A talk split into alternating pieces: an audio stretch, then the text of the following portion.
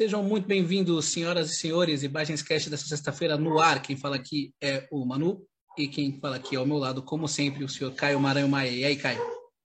Opa, bom dia, boa tarde, boa noite aí ao pessoal que está assistindo o canal, né?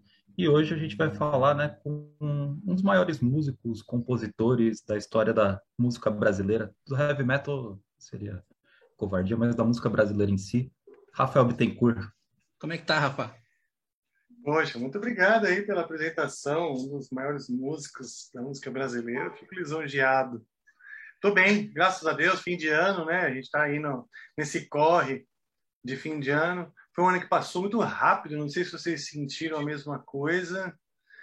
E foi um ano que, apesar de seus Doido. entraves, já foi melhor que 2020, né? Que foi um ano com muita incerteza, muita angústia. Acho que então eu passo, vira, faço essa virada aí de ano com, com algumas vitórias, graças a Deus. Com certeza. É, pedindo licença para o Rafael antes da gente começar, para lembrar você de se inscrever no nosso canal, ativar as notificações, deixar o like adiantado, claro que o papo com o Rafael vai ser bem legal, nos seguir nas redes sociais, se quiser e puder contribuir com o nosso trabalho via Pix. Uh, Rafael, começando, você agora, além de, de cantor, guitarrista, compositor, arranjador, escritor, agora é podcaster, né? Agora tem o um podcast no YouTube, o Amplifica. E a gente sabe que você levou um tempo para desenvolver esse projeto e ficou meio que em off na mídia nesse período. Dando um bastidor aí para o pessoal que está nos assistindo, essa entrevista que a gente está gravando, a gente conversou, já vim conversando sobre ela há um tempo, mas ele estava meio em off. Então, queria que você nos contasse a respeito desse período que você levou para para chegar no conceito, no formato do Amplifica certinho e por que, que você optou por ficar em off esse período todo? É, primeiro eu, eu peço desculpas a vocês, eu venho adiando essa entrevista porque eu queria justamente que o podcast já tivesse sido lançado para que na entrevista eu pudesse falar dele. Né? Então eu fui falando, não, vamos esperar mais um pouco e tal. E, e eu venho trabalhando nisso faz um tempo. Uh, o ano passado eu fiz um curso de 400 horas de design thinking. Design thinking é um negócio assim, como a criatividade e o design pode ajudar nas, no planejamento de estratégias e na solução de problemas e desafios, né? E foi muito, muito legal. E eu passei então todo esse tempo imaginando novas, novos projetos, novos uh, campos mesmo que eu pudesse atuar com os recursos que eu tenho, né? Além de, de sei lá, de, de ser um músico, etc. Quais eram os outros recursos que eu teria para iniciar outros projetos? Até porque com a pandemia, é, todos os músicos todos tomaram um susto muito grande e pensaram, bom, cara, precisamos encontrar novos, novos caminhos. É, foi foi o que eu pensei. Então tá, se se se eu preciso encontrar novos caminhos, quais são esses? Então foi isso. É, eu estava é, também no meio desse, desse caos todo, aprendendo, tentando me situar, pensando quais seriam as coisas que eu gostaria de fazer. Eu acho que pintou um senso de urgência para as pessoas, do tipo: nossa, eu posso morrer amanhã, né? Esse vírus letal está aí, eu posso morrer amanhã.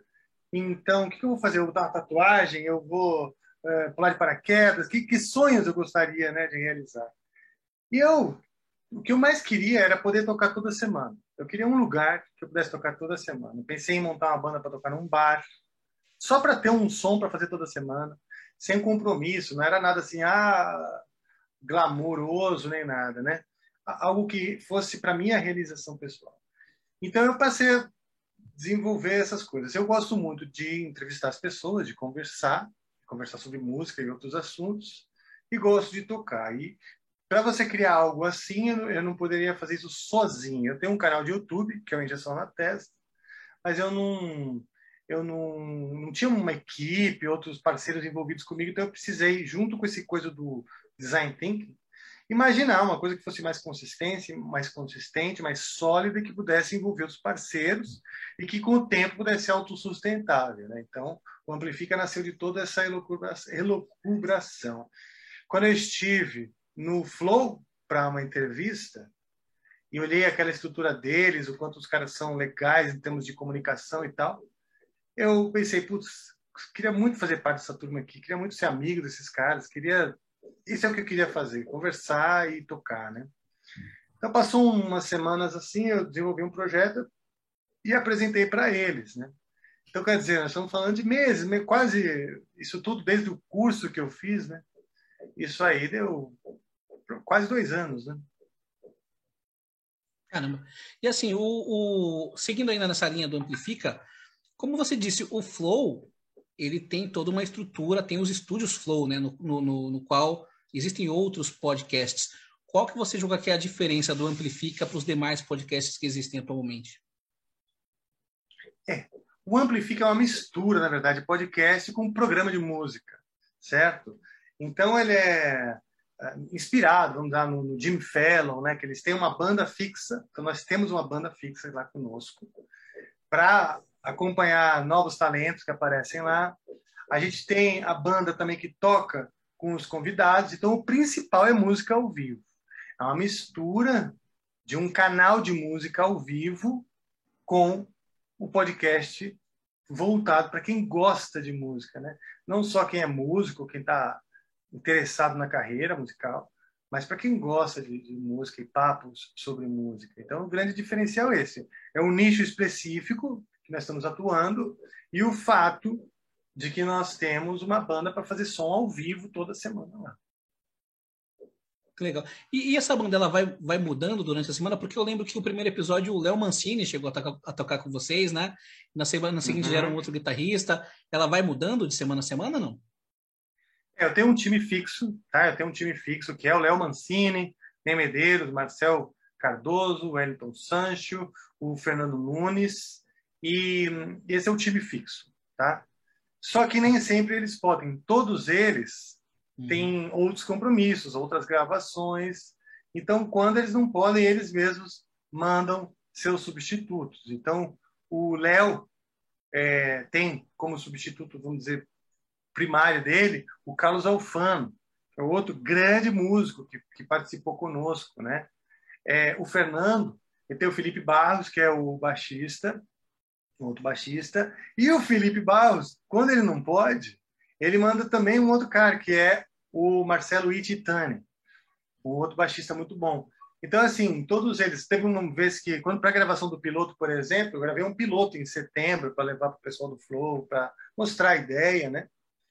E, e, aí o Neipo não pôde gravar o piloto. Aí quem gravou foi o, o Allen Lima, da família Lima, que gravou os teclados. Uhum. Então a grande verdade é que é como se fosse um colegiado de músicos, né? Uhum. E a gente tem, vamos dizer, um grupo lá no WhatsApp para ver quem que pode, quem que não pode. E o fato é que toda semana tem que ter uma banda pronta para acompanhar lá os convidados e os novos talentos.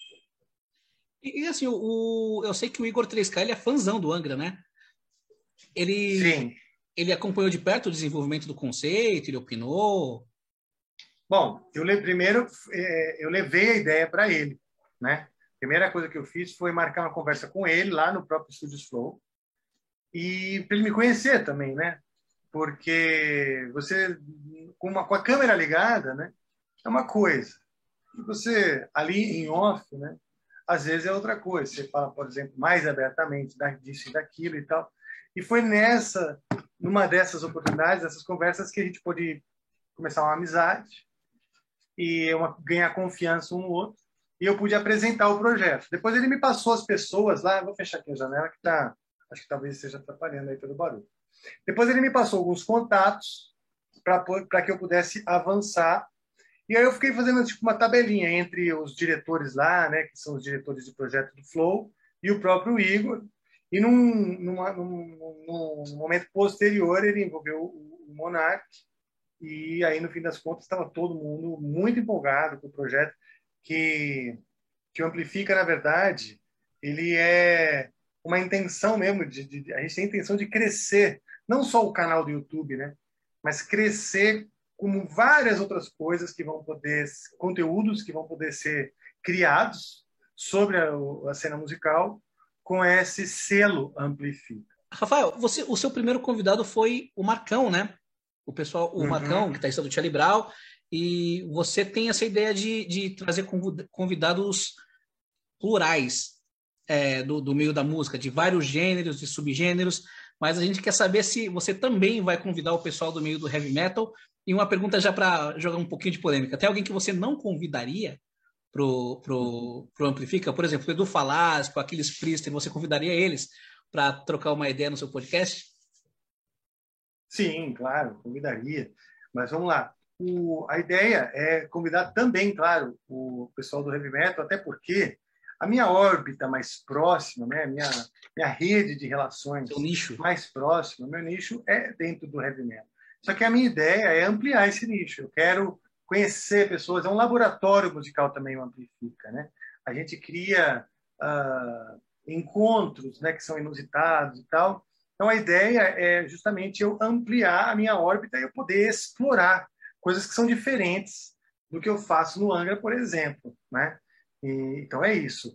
Dentro da minha órbita mais próxima do heavy metal, uh, claro, a gente começa com as afinidades pessoais e afinidades musicais, né?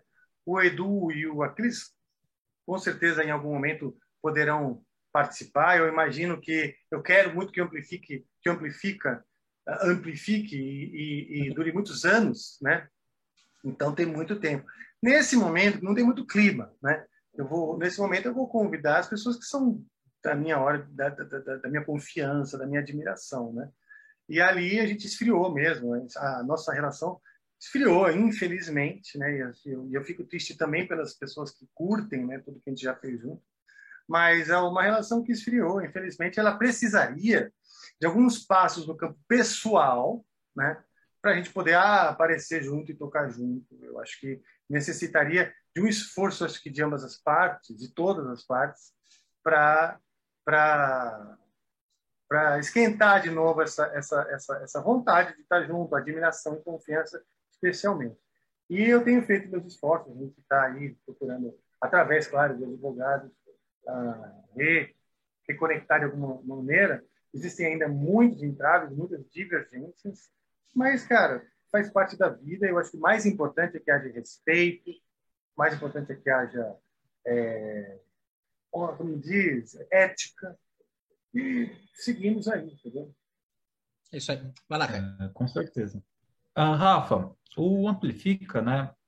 Ele surgiu, uh, um dos quadros também que você apresentou, é na questão de apresentar novos músicos, né? Uh, além de pessoas que não são tão próximas do heavy metal, por exemplo, o, o, Igor e o Monark são pessoas que são muito conhecidas dentro do universo de podcast, de youtuber, né? E o, o Marcão do pop rock brasileiro, Charlie Brown, né?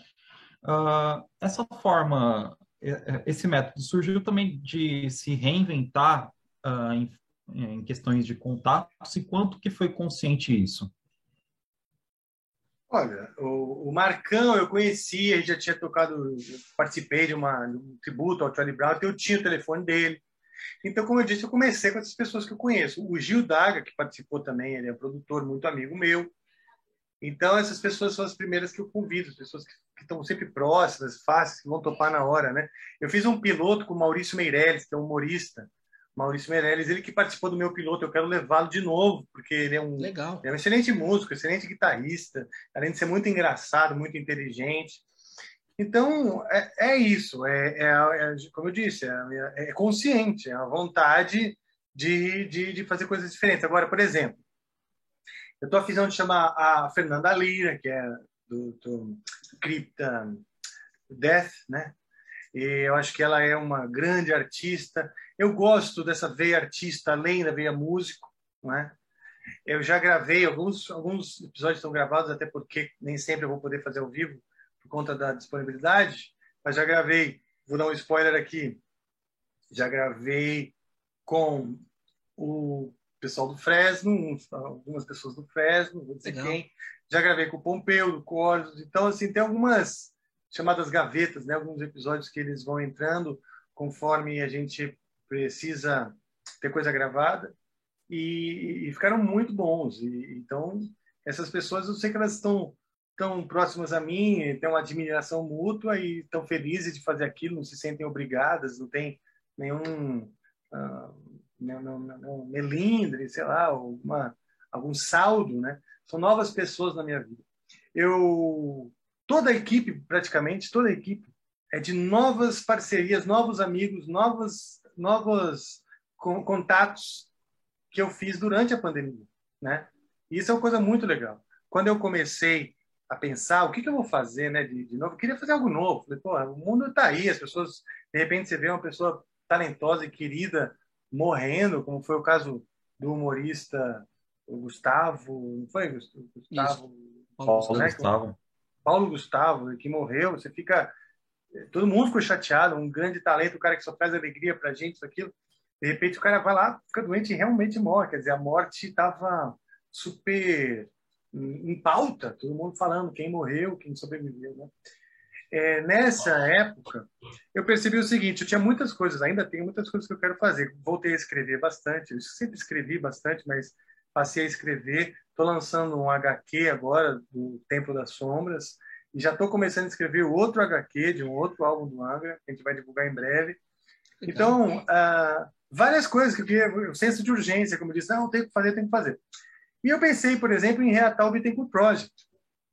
Mas aí eu falei, pô, vou reatar, mas não tem onde tocar, né? A gente não tem espaço para divulgar, é difícil fazer show por conta da, da, da pandemia, eu vou reatar um negócio só para para quê? Para fazer vídeo sem sem ter é, financiamento disso, como é que eu vou pagar os meus músicos e tal? Porque as coisas, para você pagar os músicos, eu posso fazer no amor, mas os músicos você precisa pagar, são profissionais, né?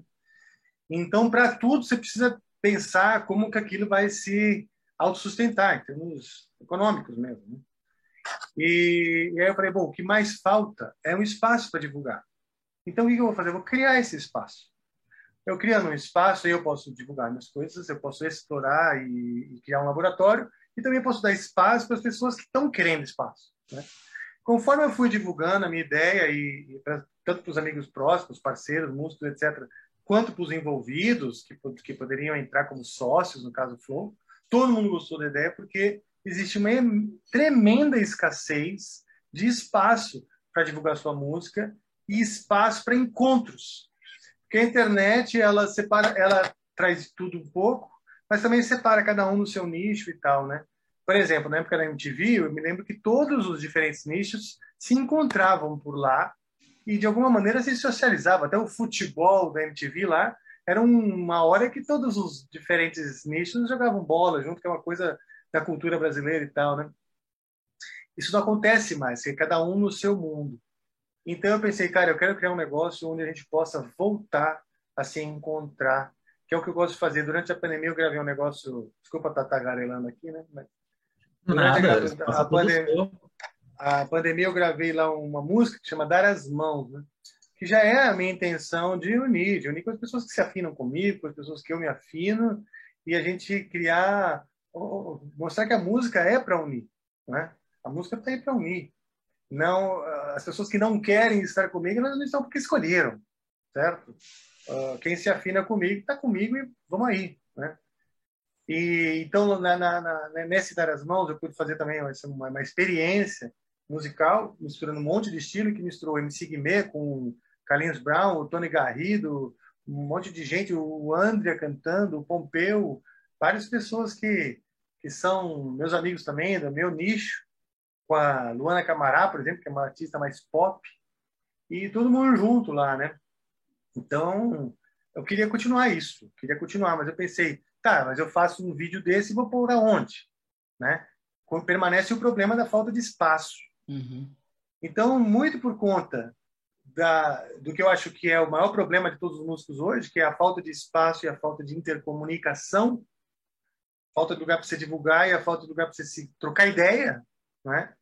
como é que cada um, como é que a gente vai crescer a música brasileira se a gente não conversa, cada um está no seu nicho achando que é gênio, né? Então, então é isso. O meu tesão é hoje é poder proporcionar algo que traga, que melhore a estrutura do cenário. E não eu, eu trazer mais um disco solo ou mais um disco assim assado que vai ficar carente de espaço e, e sem se comunicar com outros, com outros, músicos e cada um na sua e vivendo um mundo muito solitário que é que as pessoas estão. Assim, com certeza. Uh, e assim, o Rafa, uh, eu lembro quando começou a injeção na testa, né, que uh, tinha uma relação mais próxima para algumas pessoas também que estavam na injeção trabalhando contigo. Tá, eram amigos Sim. próximos, né? E eu queria saber, na sua opinião, quais as diferenças uh, entre a concepção de um projeto e do outro, na, no seu pensamento? Olha, são semelhantes na sua essência, né? Todo, eles, a injeção da própria injeção da testa, eu tinha a intenção de tocar música também. O que mudou foi que eu entendi no meio do caminho que eu precisava de uma estrutura um pouco maior. E estrutura significa profissionais capacitados, que também implica em, um, em algum tipo de autossustentabilidade comercial, né?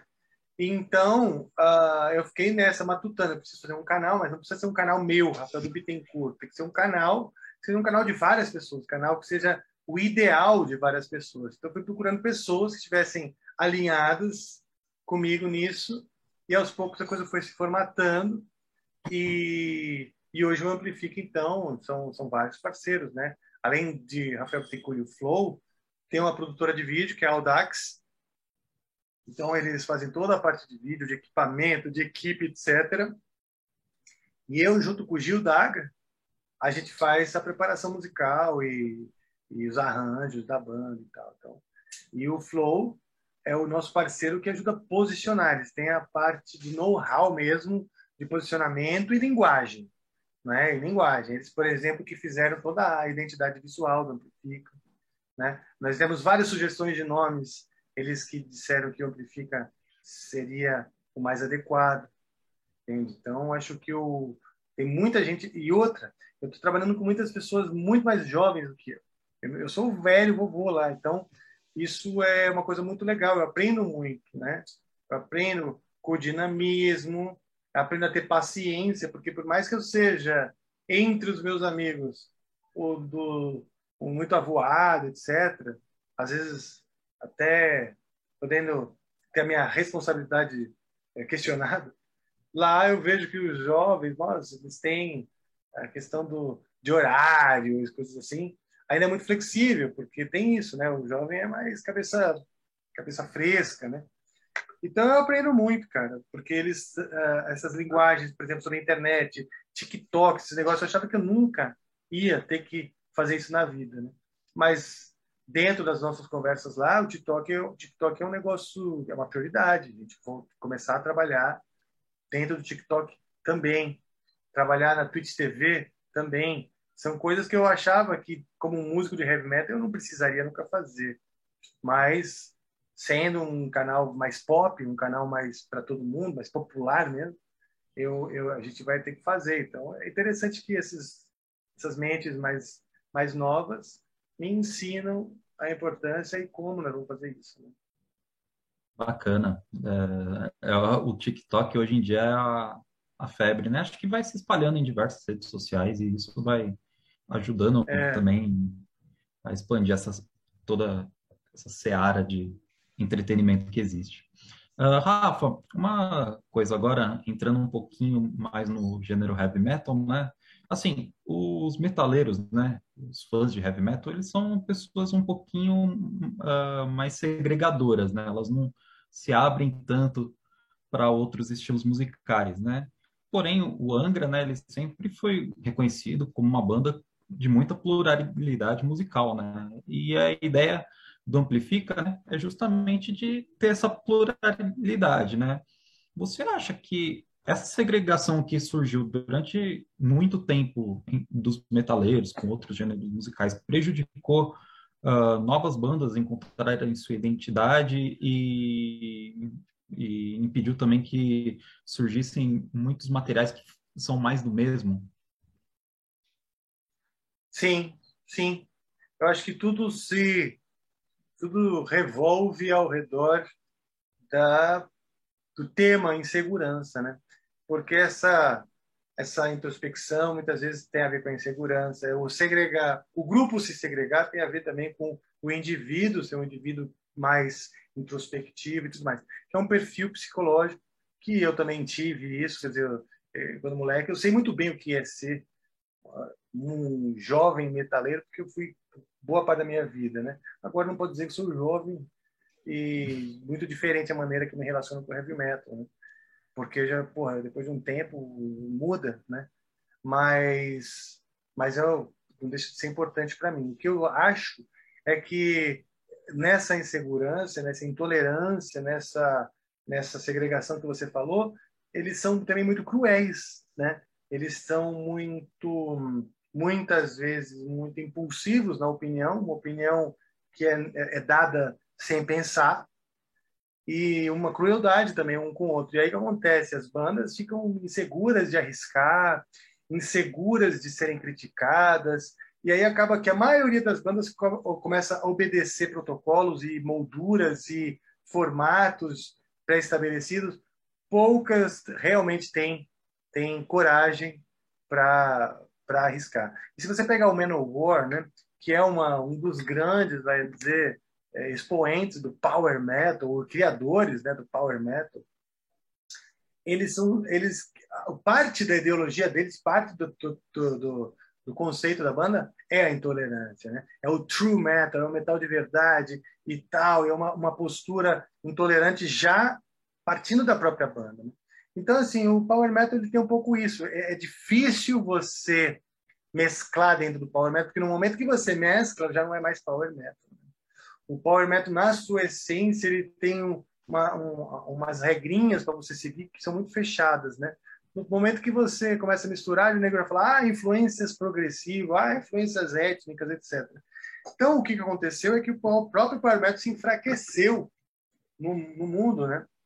Tem uma banda aí, o, acho que é o Mir, Mirtra, uma banda acho que é da, da, da, Turquia, esqueci agora o nome, uma banda muito boa. Eles fazem o que o Angra fazia no Holy Land, mas com influências turcas em vez de brasileiras. Né? Mirath, é Mirath, esse mesmo. O Mirror. Vale a pena pesquisar. Essa é uma excelente banda, eles estão bombando na Europa. Provavelmente eles fecham, vão fechar o Vacuum e tal. É uma banda que está super, super em alta. E eles fazem o que o Angra fazia no Holy Land, só que é uma banda da Tunísia. Falei turca. É Tunísia. Atualmente eles estão sediados na, na França. Banda excelente, tá?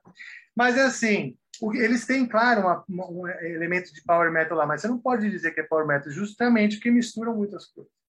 E eu acho que é um momento de misturar mesmo, é um momento de rever, é um momento de não ter um. Não precisar colocar o estilo antes de você criar a música ou antes de criar a banda. Acho que você tem que pegar a banda, extrair. Eu faço isso no meu band coaching. Extrair o melhor que a gente tem daqueles, daquelas pessoas, daqueles músicos, e depois disso dar um, uma cara, um direcionamento, um, um direcionamento de marketing né? A identidade visual, o nome, ele tem que vir do que vocês fazem de melhor e não você criar um negócio e de repente não é o melhor que vocês podem oferecer, sabe? Vocês Eu criam uma identidade é... e depois tentam fazer as músicas de acordo com a identidade que foi criada, né? É o contrário. Exato. Tem que extrair a música que... antes. Outra coisa que acontece aqui no Brasil é que a gente começa a pegar as referências depois de cinco, oito anos que já estão acontecendo na Europa. Então, quando a gente começa a fazer aqui, as bandas começam a fazer aqui, a coisa já está ultrapassada. Já, já é a banda da banda da banda da banda imitando, sabe? Então, eu acho que o brasileiro tem que começar a entender o que é estar na frente, né? O que é você ser o cara que é, é o lançador de tendência? Quem é que vai inventar o negócio, né? O Marcão falou um negócio lá no programa, ele estudou marketing, ele fez faculdade de marketing, o Marcão do Charlie Brown. E ele falou uma coisa muito interessante. Ele falou, lá no marketing, uma coisa que eu aprendi, e foi legal porque eu gostava só de tocar música em inglês e tal, tal, tal. E, e o professor de marketing dele falou assim, cara, se você, se, se, se o que você quer fazer não tem nicho, não é? Não tem um nicho específico que você quer fazer, você precisa inventar aquele nicho. Né? E é, é, é meio complexo. Você fala assim, puta, mas como que eu vou inventar um novo nicho? Né? Cara, esse que é o lance, você tem que criar uma estratégia, né? Ah, eu vejo muitos músicos achando que é fácil e falando assim, ó, na Suécia, com certeza é mais fácil, acho que vou me mudar para a Suécia. Ou então, assim, eu estou aqui no em Bauru ou no interior da Paraíba e eu vou fazer uma música que direcionada para o mercado europeu, porque o mercado brasileiro eu sei que não vai dar certo. Então, esses são conceitos bem errados, né? Bem errados. Não é mais fácil você imaginar que que os caras lá vão te dar atenção, especialmente se você tiver fazer um negócio com 5, 6 anos de atraso, né? sem novidade e sem identidade. Não é? Sem identidade. Porque não adianta você chegar do Brasil tentando dizer, ó, todo mundo fala que, o, que aqui é um país do submundo, mas ó, eu sei fazer o som é, finlandês igualzinho, hein? Então, ó, claramente, você faz igualzinho. Então, você é um macaco de imitação. Né? Você é um periquito, você é um papagaio, você não é um artista. É, então, é isso que que a gente tem que começar a tomar cuidado, ter mais confiança. Resumindo, tudo revolve ao redor da palavra insegurança, óbvio, versus confiança. E também, quando a gente fala com o pessoal lá de fora, né? Eles não querem uma banda igual às suecas, eles não querem uma banda igual às finlandesas. Porque lá, se você tacar uma pedra na árvore, cai quatro, cinco bandas muito boas, né? Porque lá, é, se você pegar nos mapas, né? A, a, a, o número de bandas para a população é bem grande nesses países, né? Eles querem bandas que sejam brasileiras. Exato. Então, assim, o povo... imagina o seguinte: imagina que o Charlie Brown, o Chorão escrevia sobre a realidade dele ali no, na praia, em Santos, a galera, o skate e a dia a dia deles. E aí ele, ele impacta numa banda japonesa. E aí essa banda japonesa começa a querer falar do dia a dia de Santos, né? porque acha muito legal, acha fascinante aquilo. Todo o romantismo né, da, da vida na praia e tal, num país tropical e tudo mais. E falando disso, só que lá do Japão. Imagina o, o distanciamento que isso causa no, nas pessoas que realmente estão habitando ali e reconhecem. Né? A, mesma, a, a mesma coisa eu sinto em bandas que começam a falar bandas do Brasil, sediadas no Brasil, que querem falar do dia a dia ou da noite da Califórnia. Ah, mas eu viajo direto para lá, eu conheço os points. Ok, mas você não mora lá. Você não está falando da dor do habitante de lá, você não está tocando o coração de lá. Você está imitando, porque você paga um pau para uma vida que você não tem. Ou imagina o cara que está falando do, do, do, de batalhas saxônicas lá, dos anglo-saxões da Europa, de sei lá que época, e sem ter um pingo de, de, dessa vivência. Né? Eu sempre falo o seguinte, o Ingrid Malmsteen, desde criança, ele recebe influências, cara, sabe, de olhar a arquitetura na, na, na, cidade dele, ele olha a arquitetura na cidade dele, ele, é, os pais dele, os avós dele, né? Todas as referências revertem, né? Acabam, acabam focando, caindo na música europeia. Não tem como fugir. Ele nunca, talvez nunca tenha ouvido Tom Jobim na vida. Então você que não cresceu lá, que não recebeu esse, não foi bombardeado de referências europeias, querer falar desse universo e ainda ignorar o seu Tom Jobim, é no mínimo burrice. É isso aí. Rafa, é seguinte, fala um pouquinho sobre o Angra agora. É, a gente conversou com, com a banda toda, na verdade, com o Felipe, com o Marcelo, com o Fábio, com o Bruno, e todos eles falaram sobre a composição do novo disco. Né? Já faz um tempinho que a gente fez a nossa última entrevista com o último membro do Angra, e estava num, num, período embrionário, digamos assim. Então, é, eu queria que você falasse em que pé que o Angra está nesse momento, como é que anda o Angra atualmente e o que, que você pode falar a respeito desse novo trabalho do Angra que a gente já sabe que vai ser conceitual, segundo o Felipe Andreoli falou. Legal.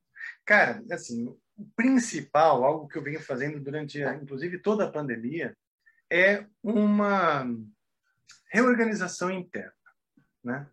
Eu acho que o Angra passou a não ter responsáveis, né? Esse, e, e, o Rafael é sempre o responsabilizado por tudo, né? Então, tudo que é vitória, todo mundo é, é, comemora seu mérito. E tudo que é ruim ou qualquer deslize é a culpa do Rafael. Então, isso passou a me frustrar demais.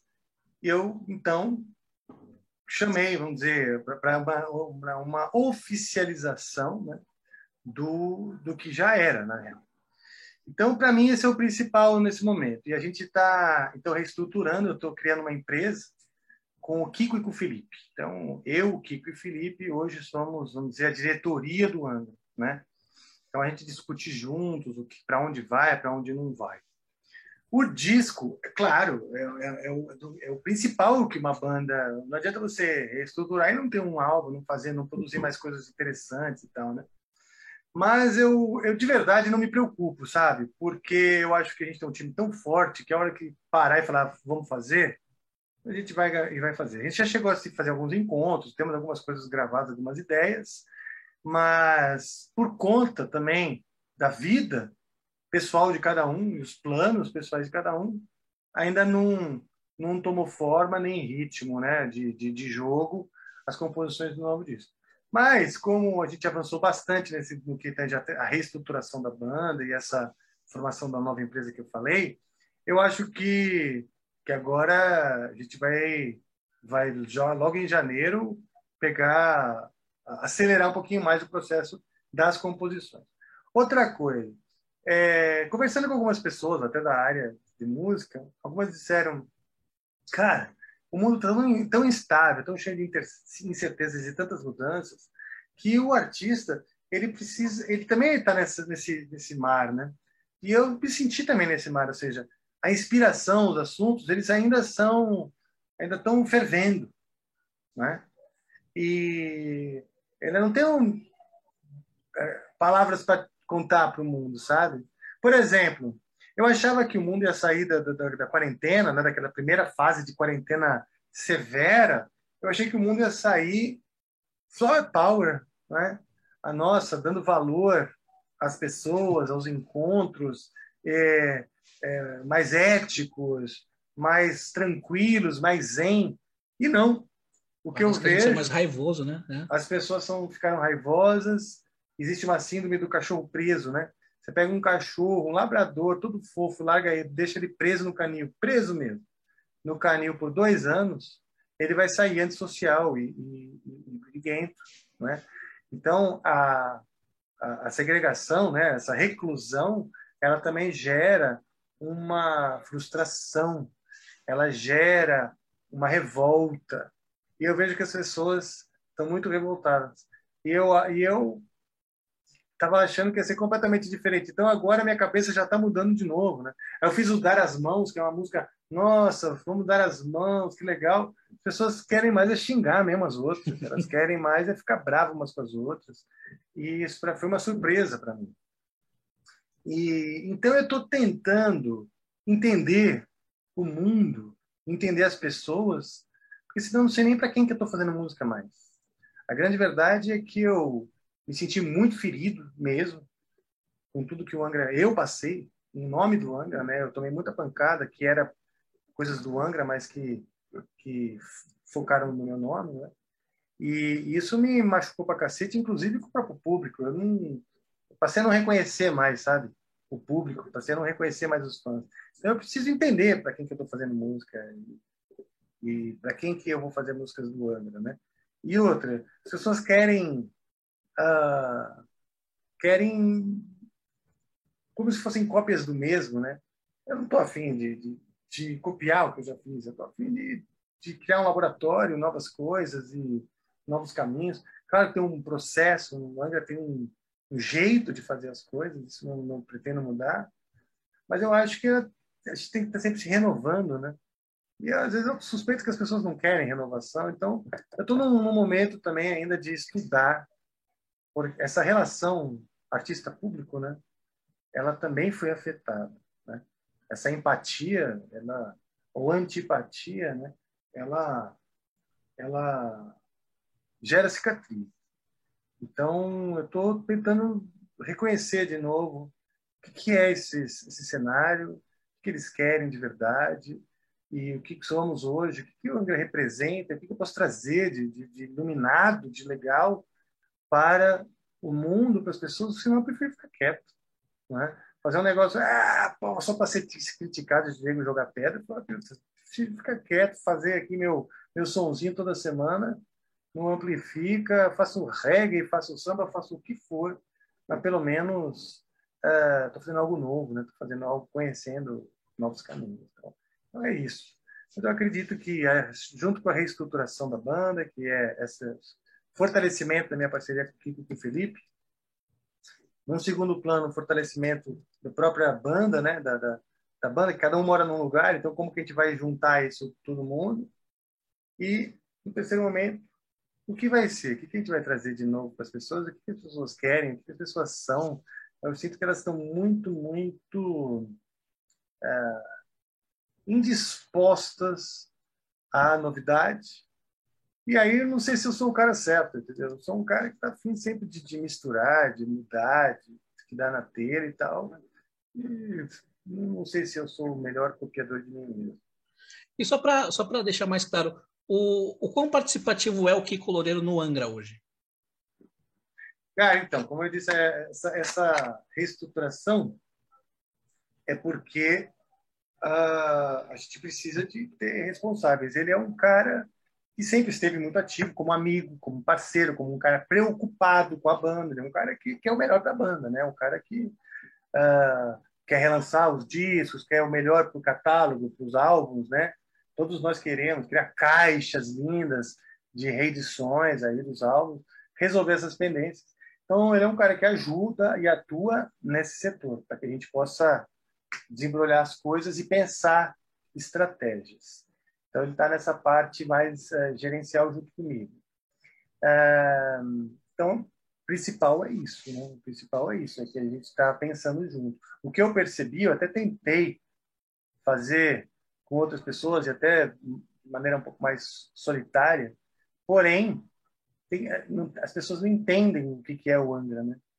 E, entendeu? Então, o grande dilema é esse. Né? Tem algumas pessoas que, para ninguém, eu acho os envolvidos do Angra, o Angra é uma prioridade. Eu vejo todo mundo tendo outras coisas, né?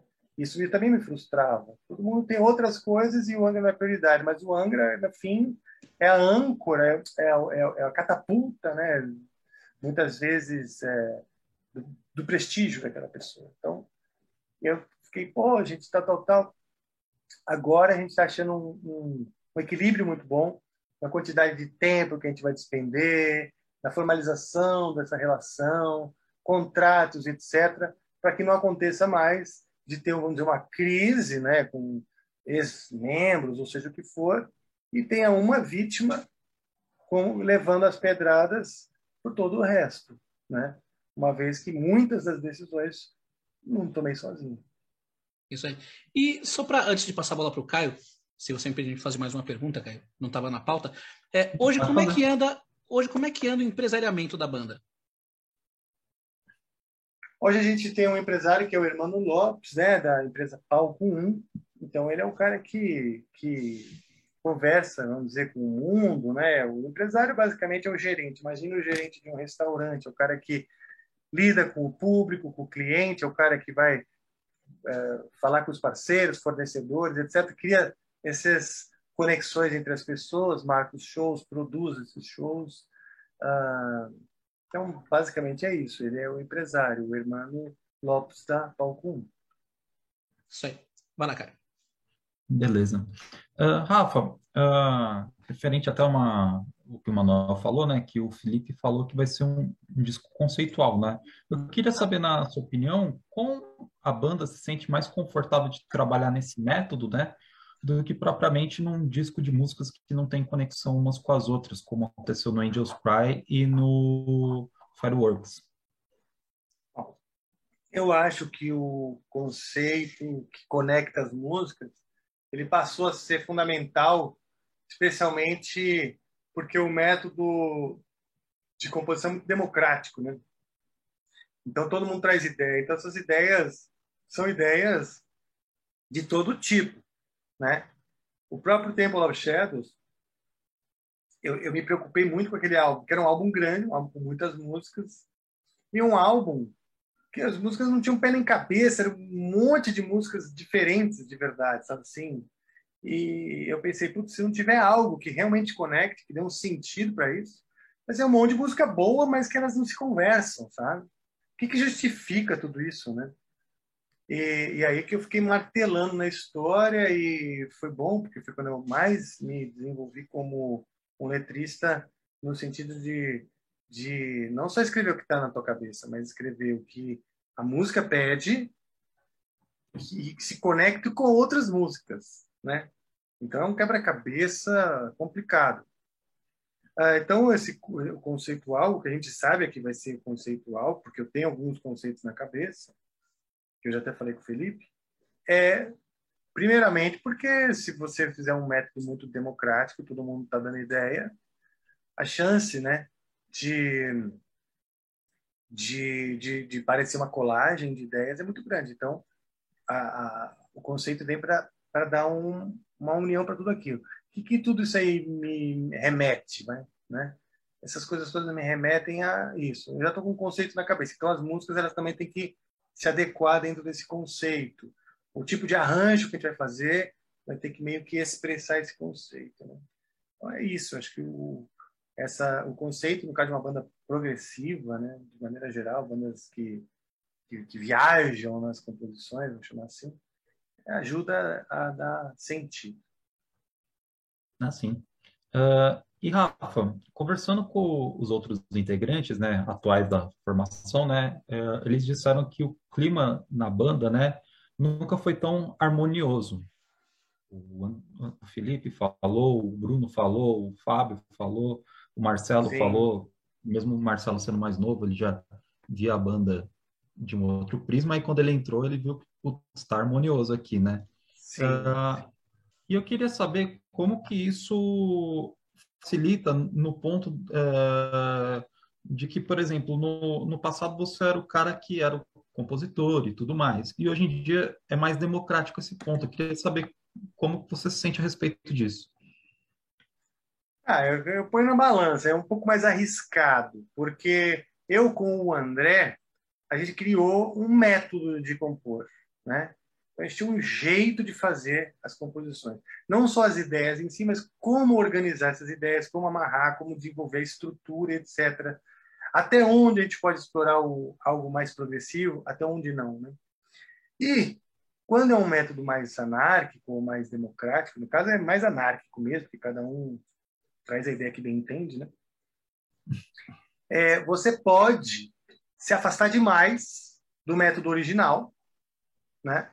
Se eu for fazer todas as composições, ou sei lá, ou me encarregar da maioria das composições, eu é, posso desmotiv desmotivar os músicos, porque eles também querem participar, e por um outro lado, se afastar da ideia original, entende? Então eu acho que a gente tem que achar esse equilíbrio, um equilíbrio entre manter todo mundo motivado mas ao mesmo tempo não se afastar dire de, totalmente do método que foi inventado no começo, que era uma maneira de fazer essas músicas, né? Tanto que no Rebirth, uh, o Kiko participou bastante, da, do, uh, com, observando desde o Dangerous, Dangerous Cry, Holy Land, tanto que no, no, no Firework já estava compondo um monte, o Kiko e no, e no Rebirth, o Kiko já tinha entendido qual era o método de composição do, no Angra, né? Só que hoje o Kiko já não está lá, então hoje eu sou o único que realmente sabe o método, entende? Então, por um lado eu preciso impor esse método, às vezes até ensinar esse método, e por outro eu tenho que dar espaço para eles também se sentirem motivados e dar e justamente trazer coisas novas, né? Que é onde a, a música pode se revigorar, né? Com Black Widow's Web, várias músicas que a gente fez recentemente que elas têm esse frescor de você justamente ter o input de que vem de fora do método original, entendeu? Eu acho que tem que achar um equilíbrio aí. Ah, nos dois casos é, é saudável, né? É, com relação a, ao clima, né, que a gente está falando, esse ambiente, de salutar, isso é verdade. A gente nunca teve um, um ambiente tão respeitoso, tão maduro, de tanta empatia recíproca, todo mundo se admira, se gosta, se respeita. É, viajar de ônibus é sempre muito bom, muito agradável, porque tem um clima leve, né? Clima leve, todo mundo se respeita e, e, e se admira, e se gosta. Eu acho que isso é o mais importante. O quanto isso reverte um disco bom, não sei, porque a gente fez um monte de disco excelente com um clima horrível, né? Então, é, eu acho que o, quem que se beneficia com o clima bom é, são os músicos. Eu sei que para mim é ótimo, prefiro trabalhar assim, tá? Prefiro fazer um disco horrível num clima bom do que um disco excelente num clima horrível. Uh, outra coisa, né, uh, que também foi muito debatido, né, entre nas entrevistas, o quão ficou mais democrático, por exemplo, com relação a, a lidar com a imprensa, porque antigamente, como você falou, era você que era o, o porta-voz, aí vinha o pessoal com as pedras já atacando, dando pedrada, né? E hoje em dia uh, tem mais participação do Felipe, do Bruno, do Marcelo, até o Fábio, que é muito avesso à entrevista, ele começou também a falar. E eu queria saber, na sua opinião, quanto que isso te ajudou também a, a você sair um pouquinho do holoforte para você focar realmente naquilo que você sabe que é parte de composição e tudo mais. Ah, isso aí é excelente, né? Na real, quando eu, na verdade, sim, é, quando o André estava na banda, ele comunicava muito mais do que eu. O Kiko também sempre comunicou muito bem. O Edu, todo mundo comunicava muito bem. Quando o Kiko saiu, né, foi que a bola, a bola quicou para mim, na verdade, né? E, e aí eu passei a falar mais. Mas não era, era uma coisa meio que não foi nem por minha escolha. Né? O cara saiu, o Kiko saiu, a figura é importantíssima, etc. Então passei a me comunicar mais porque para passar essa coisa de que ah, o cara que começou a banda tá lá e tal, então a banda tá viva, etc. Mas não é exatamente a posição que eu, que eu gosto de jogar, não. Eu gosto de jogar como capitão ou técnico que está sempre atrás ali coordenando o time, né? É isso aí.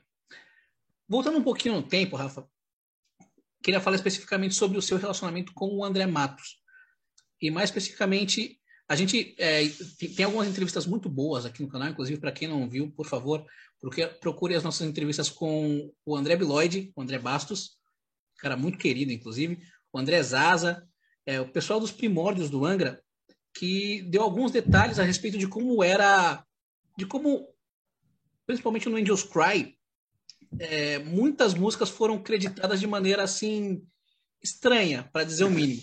Por exemplo, o André Zaza, ele fez uma parte da Carry On que não é acreditada. A Lasting Child, você fez aquela parte do final, né? Aquele finalzinho no violão e também não é acreditado. E recentemente saiu uma entrevista com o Luiz Mariucci, no qual ele fala que os japoneses mandaram botar o nome do André na frente e que, inclusive, aquilo foi uma das primeiras desavenças na banda.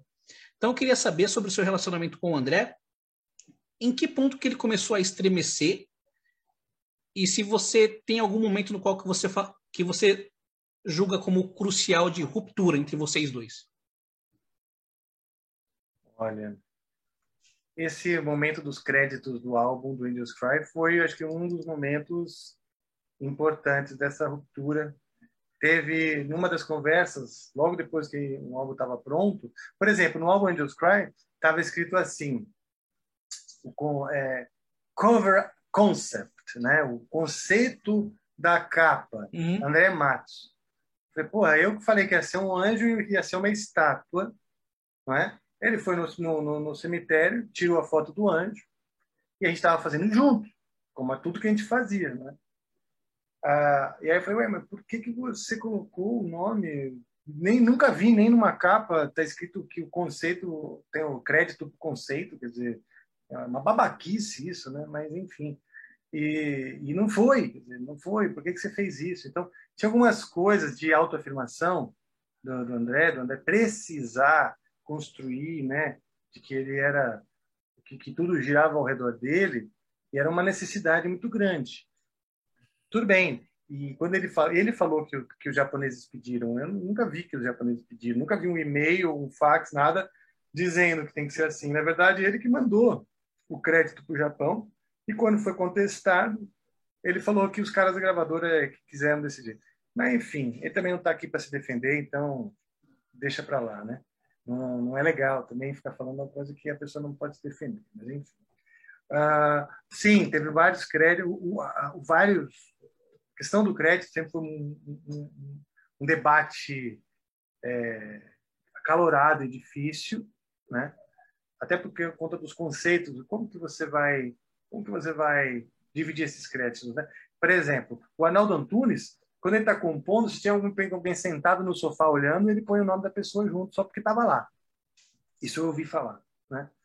E tem outros compositores que não. Ele fala assim, ah, o grosso da música eu trouxe, o resto dos os outros que vão me ajudar a finalizar, eles estão estão entrando como banda. A banda finalizou isso daqui. Então achar esse equilíbrio, né, é uma coisa que como não existe uma um documento que fala é assim que funciona, para você entrar na banda você tem que aceitar, assine aqui e um acordo de sigilo, etc. Seria maravilhoso. Nunca foi feito. Então, cada um com a sua ideia e tem muita, muita, muita discordância. As pessoas, obviamente, discordam, né? Tem gente que, por exemplo, imagina, você fica cinco horas num estúdio para finalizar uma música, né? Tipo, a música, boa parte da música já está andando, né? Você fica cinco horas lá. E aí, uma pessoa deu uma ideia para um riff, outra disso, outra disso, aquilo, você vai discutindo, você põe, tira, ouve, testa um negócio, depois muda, papapá. No fim das contas, o riff X de uma pessoa lá foi para a música. E o outro não foi. Porém, todas aquelas horas de trabalho, todos trabalharam igual. Estavam todos lá empenhados em fazer. Né? Então, tem alguns que acreditam que, por estar lá empenhado, tem que ter um crédito, e outros acreditam que não. Só o que realmente valeu ao final é que tem que funcionar como um crédito. Então, são conceitos, são coisas que as pessoas têm que entrar num acordo né, de cavalheiros, ou porque no fim das contas você tem que ter uma boa relação com todo mundo. Né? Então, você também tem que ceder, conceder, falar, ah, ok, então se, se agora eu fizer assim, na outra eu fizer assado. Então, é, é isso. Eu fiz muito acordo com o André de, de, de, coisa que. O problema é o seguinte: eu cedia muito e. Ok, tá bom. Ele não gostava muito de botar o meu nome junto com o dele, mas qualquer pedido que ele dava na minha música tinha que ter o nome dele. Então ficou uma coisa meio assim, até que comecei a ficar defensivo também, né? Então virou uma coisa meio. Também foi amargurando a relação, porque você não uma parceria quando você tem que estar na defensiva na parceria, você já não confia mais que a pessoa também é empática com as suas necessidades. Isso é uma, uma relação fadada ao fracasso. Né? Ah, momento exato, cara, teve esse. Teve uma conversa que nós tivemos, logo depois do Angels Cry, que ele reuniu toda a banda para tirar o Rafael Bittencourt da banda, né? Então ele reuniu lá o Toninho, o Kiko, o Luiz Mariucci e eu para comunicar que, que eu estava fora da banda. Depois do Angels Cry, eu falei, não. Depois do Angels Cry? Falou. Depois do Angels Cry, logo depois da gravação. O Marcos já estava fora por conta de tudo que aconteceu, etc. Sobrou eu, tanto que eu falo para o Marcos, Marcos, foi foda aquela época. Aquela época lá era era viver, era, sobre, era lutar para sobreviver, cara. Eu falei, não, André, você tá louco? Vou me tirar da banda. Deu nome para a banda, criei o conceito, arrumei todos os músicos que ele não conhecia, e fiz metade das músicas e agora você quer me tirar? Da onde? Ele começou a dar um, umas razões que não tinham pé nem cabeça. Eu falei, cara, ali enfraqueceu, né? Porque eu falei, pô, puta punhalada pelas costas. Eu falei, não. Eu não sabia disso. Cara. Beleza. Então, é isso. Isso é uma das coisas que realmente aconteceu. Então, é, você pode perguntar, quem estava lá era o Toninho, Luiz, o Kiko e eu. Mas aí como é que. também como é, os filhinhos. Do... Como, é, é que foi revertido isso? Foi só você que bateu o pé e falou que não ia sair? Ou a banda também ficou do teu lado, Toninho? Não, eles ficaram quietos, porque era uma situação, porque afinal de contas o Rafael e o André eram o centro criativo. Eles estavam numa situação meio de saia justa, né? Porque, pô, esses dois caras têm que se entender, mas também entender o quê? Os caras, o André era o pilar principal, porque a JVC entendia que ele era o grande astro do rock que, que saiu do Viper e tinha feito então agora o Angra. E ele queria que o argumento fosse esse. A grande verdade, cara, tem algumas coisas que são. Aliás, uma coisa aqui, cara, antes de antes de, de continuar. As pessoas que assistem as coisas, os cortes que fazem, os títulos que dão para os cortes e tal, tendem a criar uma rixa entre ou endemonizar alguém, ou vilanizar as pessoas. Não quero vilanizar ninguém, ok? Não quero vilanizar ninguém, eu quero que as pessoas. É, é difícil dar esse tipo de depoimento, porque as pessoas elas têm a tendência a escolher um time, botar um contra o outro, etc. Não é nada disso, cara. Um monte de gente imatura, tá? era tudo novo pra cacete. É, o, O fato é que o Angra é uma, é uma junção de projetos. Eu estava fazendo um Isso. projeto, que era uma banda, e o André estava fazendo um outro projeto, que era a banda dele também, que ele não tinha ninguém, mas tinha o uma respaldo, estrutura, né? uma estrutura e um respaldo, e uma carreira já, experiência, dois discos nas costas. Era um puta talento. Então, assim, o André não sabe, não precisa descrever, e eu não quero vilanizar ele aqui, pelo amor de Deus. É, mas, cara, eu estava fazendo minha banda. Minha banda, que era de heavy metal, que é com música brasileira, que é misturando as estruturas de música erudita, que eu estava na faculdade, etc. E as minhas músicas que eu já estava escrevendo, Time, Evil Warning, Pain of the Night, Reaching Horizon, já estava escrevendo um monte de música.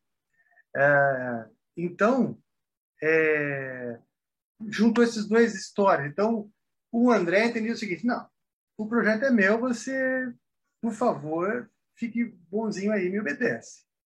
Só que eu, eu até poderia, poderia ficar bonzinho e obedecer se, se, se a coisa fosse, se no meu ver, fosse um pouquinho mais, mais equilibrada, né? Mas não foi bem assim, entendeu? Ele estava com a bola no pé dele, realmente, a gravadora apoiando e tudo mais. Então ele viu essa, essa importância dele, que realmente foi fatídica, né? Mas, assim, o fato é que o Angra não existia assim em mim. Eu comecei a parada, eu juntei as pessoas, eu conhecia os músicos e tinha músicas para fazer e tinha ideias. Então, foi essa junção dessas duas coisas.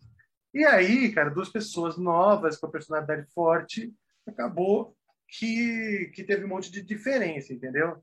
Então, eu tô falando dessa maneira porque, cara, as pessoas adoram ficar é, mascando como se fosse um chiclete a, a, a, a má desmanchando a imagem dos outros. É impressionante isso como na internet eles falam. Ah, então era um cuzão. Ah, não, esse que é cuzão. Ah, esse que é cuzão. Sabe quem que é cuzão? Você aí que fica fica dando corda, cara, para isso. É isso aí. E Rafa, a... o, é, é, o que é o que eu referente a isso, né? Assim, é, é, três lados, né? E acho que as pessoas vêem um lado e só por se familiarizar com um lado vai para não, esse cara não é bem assim na vida, né? Exatamente. Então assim, esse tipo de opinião, por isso até sobre até sobre a história do Edu, cara, que nem que, que não falo mais nada e que virou um puta uma bosta essa história, é porque as pessoas claro, elas são passionais, elas gostam de tal pessoa, elas simpatizam com aquele cara, etc. E vão acreditar, e vão endossar cegamente. Ok, ok, beleza. Sigam, né? Sigam por aí. Mas é triste, é triste ver que a, não é o fã do Angra nem o heavy metal, né? são as pessoas, os seres humanos. Eles estão ficando tão pobres de espírito que precisam ficar nessa de de atacar pedra no outro, né? mesmo que metaforicamente, mesmo que só através de, de desses, dessas, dessas conversas, etc., de, de internet, para esquecer tua própria miséria. Isso então, aí. cara, é assim, é triste, é triste. Rafa, ainda sobre a formação clássica do Angra, eu queria saber se você se lembra exatamente no dia que aconteceu a separação e das reações de você e do Kiko. Como é, quão, quão difícil foi isso? Ah, não teve um dia certo, cara. Isso aí foi um processo, foi lento. Eu já sabia, não tinha clima. Por exemplo, o André quis sair antes do Fireworks, né? Aí veio um cara, veio o Olivier Garnier, que é um cara lá da França, um cara de uma gravadora francesa, etc. O cara veio lá da França, veio para o Brasil, passou uns dias aqui, passou um tempo, convencendo o André de continuar no Angra. É... Então, quando nós fizemos o Fireworks, cara, eu já tinha ligado um certo foda-se para a ideia original, né? Falei assim, ah, heavy metal com música brasileira, isso aquilo, puta, não sei se o cara vai ficar, meu, sabe? Não tinha clima mais. Aí eu peguei e falei assim, quer saber? Então não vamos trabalhar com o Charlie, porque eu trabalhar com o Charlie tem que estar muito afim. É um, o cara é alemão, é, é duro pra caralho, de, de, o cara é super rígido, né? Vou passar meses lá, não. Então vamos chamar um cara aí, um, em inglês, vamos mudar tudo, porque daí pelo menos a gente vai ficar aí sofrendo estresse da gravação. E aí fizemos um disco um pouco mais relax, porque, tipo, o projeto original mesmo já tinha sido meio abandonado. Essa é a verdade. Né? Ah, não, fazer aqui com anjos, fazer com, com músicas épicas, fazer isso aqui. Puta, eu falei, não.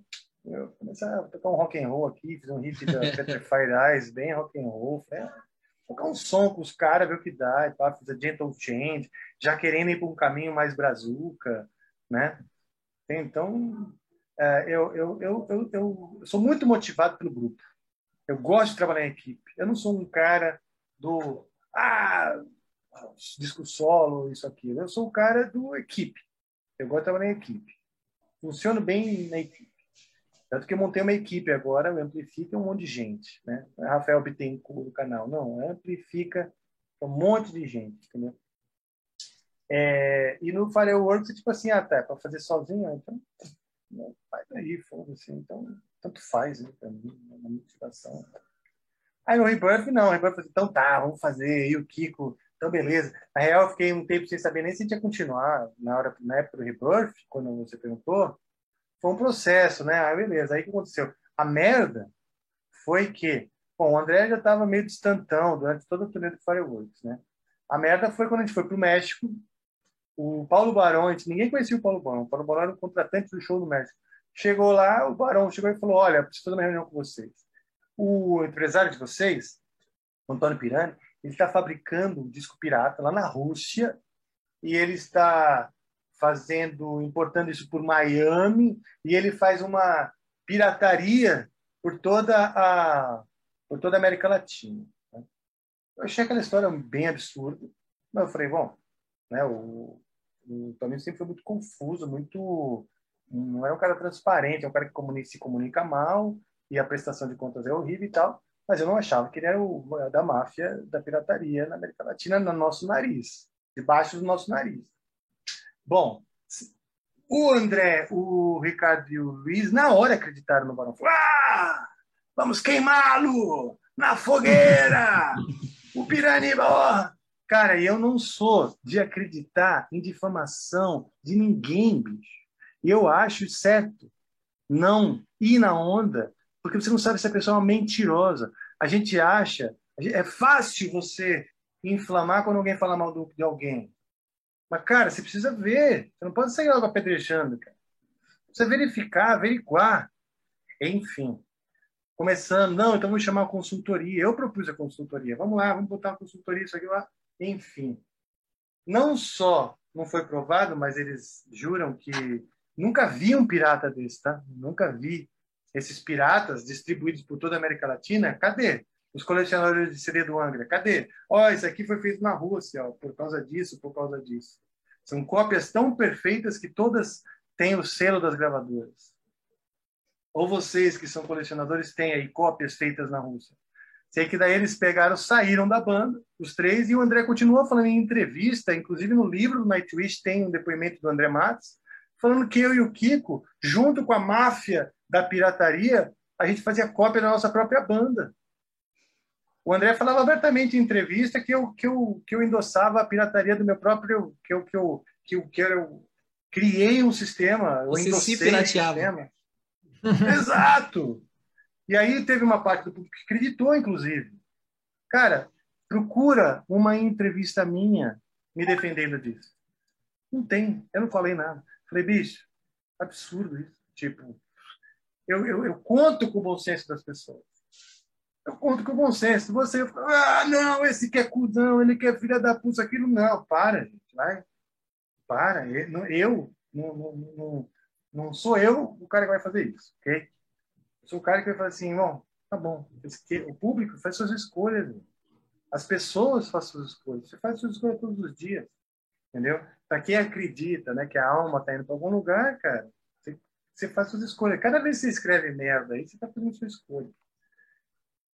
Então é isso. Aí foi, foi uma coisa um pouco aos poucos, não tinha mais clima algum, entendeu? Porque daí, tipo assim, pô, ele começou a falar que eu era pirateador, cara.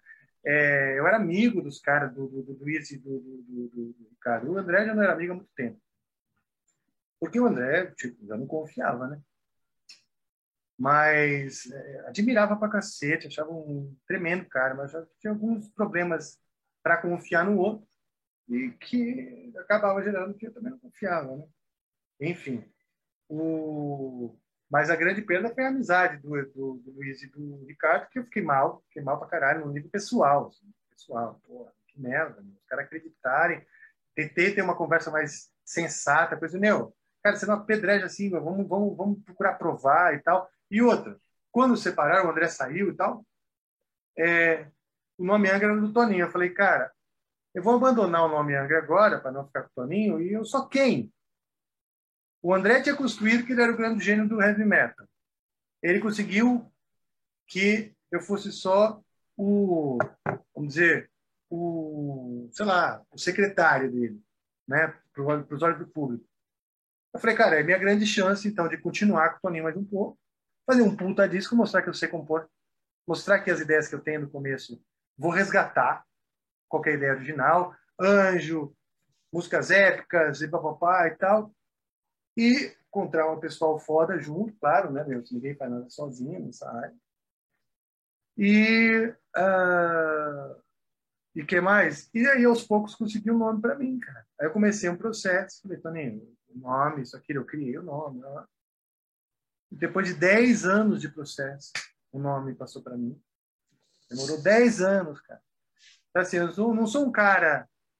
Cara, claro que eu me esquento e, e às vezes também fico furioso da vida com as coisas, mas eu digo, no geral, eu sou um cara paciente, que espera. Espero, para, sabe? Para construir as coisas aos poucos, é, é devagar, entendeu? E, e foi tudo foi, foi com paciência, foi construindo devagar, aguentando, é, engolindo seco também. É isso. Vamos lá. Eu tenho duas perguntas em uma agora, Rafa. Uh, depois da, uh, da fase do Edu, do Rebirth, juntando os, os músicos e tudo mais, que você bolou as músicas, né? Primeiro de tudo, você ficou com um cagaço, com receio, tipo assim, puta, agora é minha hora? Ou você pensa assim, puta, agora eu vou partir para cima e todo mundo vai ver e vai ser do caralho e tudo mais. E a outra dúvida que eu tinha na, uh, na fase Rebirth, né? Se, quando você começou a compor as músicas, uh, elas surgiram muito naturalmente, você teve que uh, forçando, forçando, forçando até lapidar elas e chegar naquele resultado final. Cara, um pouquinho de cada, tá?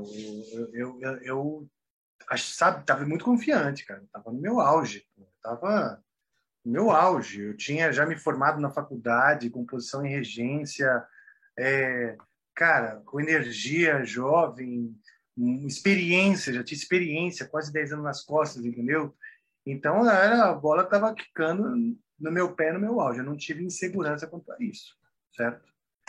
Eu falei, puta, agora é minha hora, porque o nego vai ver, cara, vai ver qual é que é real. O André vai fazer as músicas dele, eu vou fazer as minhas, e o nego vai ver que os dois são bons, né? Não vai ver que, tipo assim, nossa, imagina. Eu acho que talvez na cabeça do André tivesse uma fantasia assim, ele fizesse um álbum que ia ser foda, puta, ele ia continuar sendo o maestro, o gênio do metal, e a gente ia falar, puta, olha só, o, sem o André não é mais nada, esses caras, sem o André não é mais nada. Eu acho que ele se surpreendeu ele também acho que se surpreendeu com a nossa própria capacidade, né? minha e do Kiko. E claro que eu tenho facilidade sim para escrever música, mas toda música demanda de muito, muito trabalho até ela, ela se amadurecer. A música não fica pronta assim, pum, entendeu? Isso é uma pena, porque hoje tem muito programas de, de, de composição e gravação e tal, workstation, computador e tal, que, que a coisa já vem meio pronta, né? Você coloca lá, pá, uma batera, sai gravando uns riffs, ponte, verso, refrão, isso aqui, blá, blá. Então é mais fácil você finalizar uma música. Hoje o processo para você finalizar é até mais fácil do que na minha época, quando você precisava, por exemplo, ir para um estúdio gravar no, no multipista. Hoje os né? softwares eles te sugerem muita coisa, né? Eles sugerem muita coisa. E nesse sugerem muita coisa, as coisas todas se parecem. É, mas, cara, tem muito, tem muito, muito suor depois das primeiras inspirações, entendeu? Então, eu tenho bastante facilidade para as primeiras inspirações, pouca paciência para o decorrer do processo, né? Eu sou muito ansioso, muito ansioso. Apesar de paciente, eu sou paciente assim na estratégia. Eu me disponho a esperar anos se precisar, sabe? Mas aquilo, meu coração não para aqui dentro, né? É, mas assim, tendo grandes parceiros ao redor, né? Como é o caso do Rebirth, aí, cara, a coisa, a coisa foi, foi trabalhosa, mas foi fluiu super bem, fluiu rápido. Isso aí. Eu lembro até de uma entrevista da MTV que tava você e o Kiko, né? O Kiko tava com uma guitarra, que era uma SP, né? E tocando, né? Enquanto tava rolando a entrevista, dando entrevista e tocando. E você, assim, sabe, com fogo no olho, tipo assim, sangue no olho. Tipo assim, eu vou derrotar, eu vou pra luta. Ah, sim, sim, uma entrevista pra MTV, né? É. Sim. Teve essa motivação também, né? Da injustiça me senti muito injustiçado. Aliás, me senti muito injustiçado muitas vezes na minha carreira. E me recolho e uso de inspiração, entendeu? Uso para inspiração. Eu acho que é, que estava falando no começo sobre o novo disco, né? Se eu não tiver um olhar que eu acho que vai acrescentar para as pessoas, eu prefiro nem trazer, né? Mas naquele momento eu tinha olhar, tipo assim, tava um monte de mentira sendo falado. Era mais nobre nesse caso, ele ter saído e dito, cara, tô com uma proposta legal, a gravadora me deu uma grana, vou fazer um negócio lá com o Sasha, é, dinheiro e sucesso, etc. Tô afim de explorar outros caminhos. Pra... Só que o fã, talvez, é, falasse, porra, mas você vai largar o ano, isso, aquilo. Ele não queria. Então, eu acho que existe uma covardia, às vezes, do artista.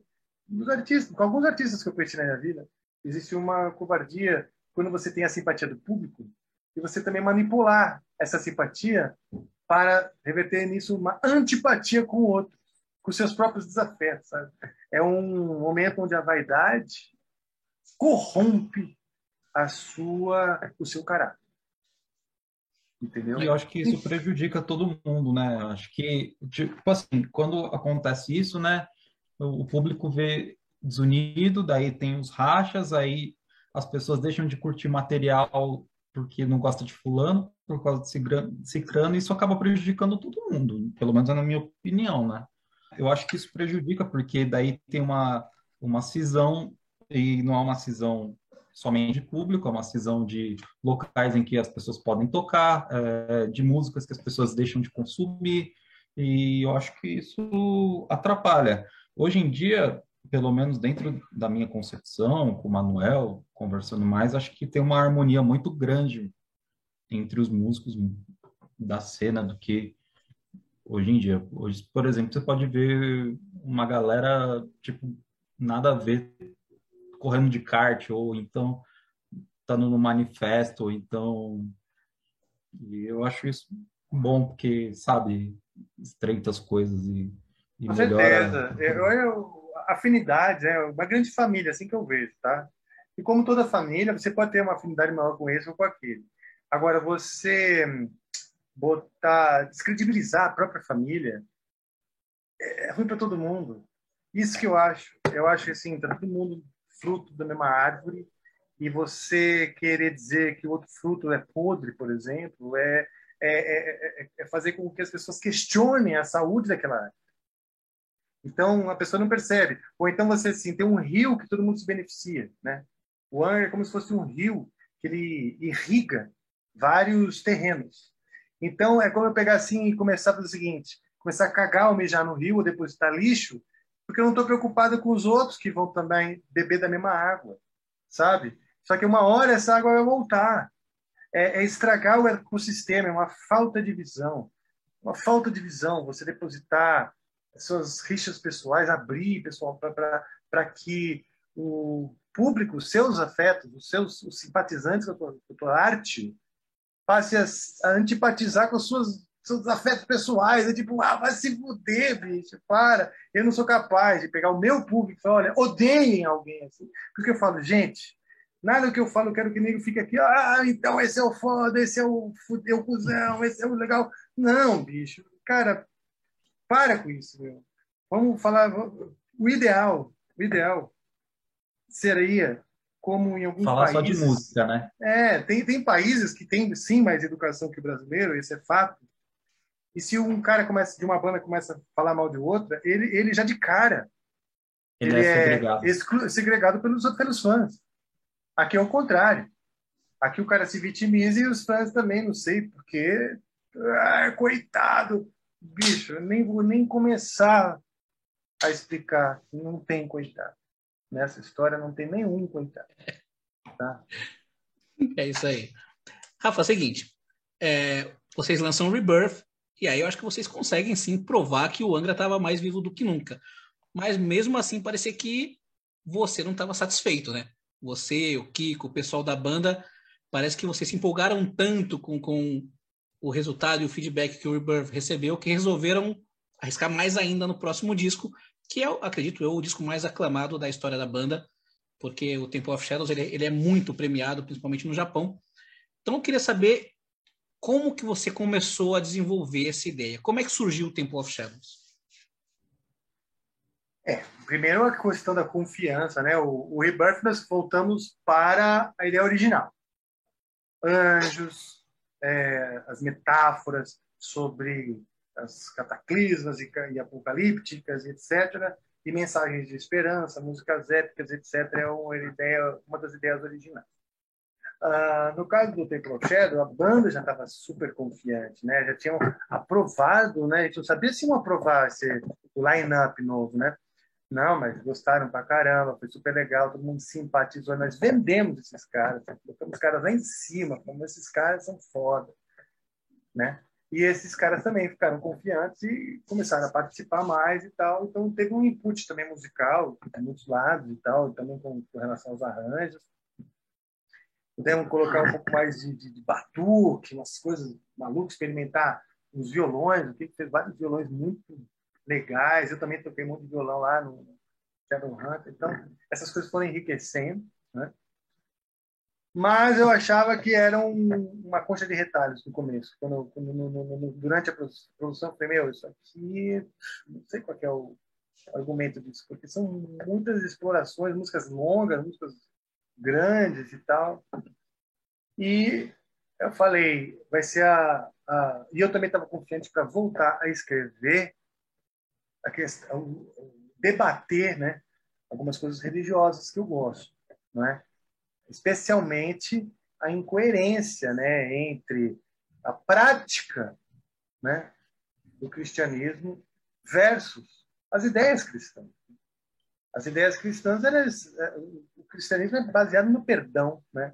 no amor ao próximo, no dar a outra face, né?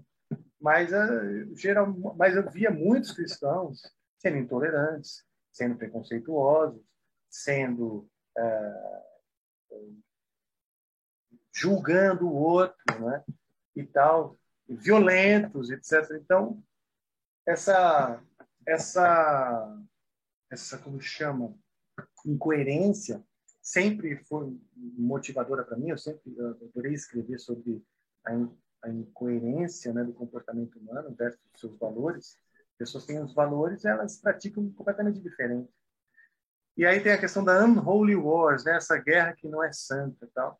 E eu como queria queria ampliar, porque você lembrar que teve o ataque de 11 de uhum. setembro, teve a, a, os caras foram revidar lá no Iraque, teve a Al-Qaeda, isso, aquilo, as, as jihadis, né, as guerras santas, etc. Voltou com, com tudo esse assunto.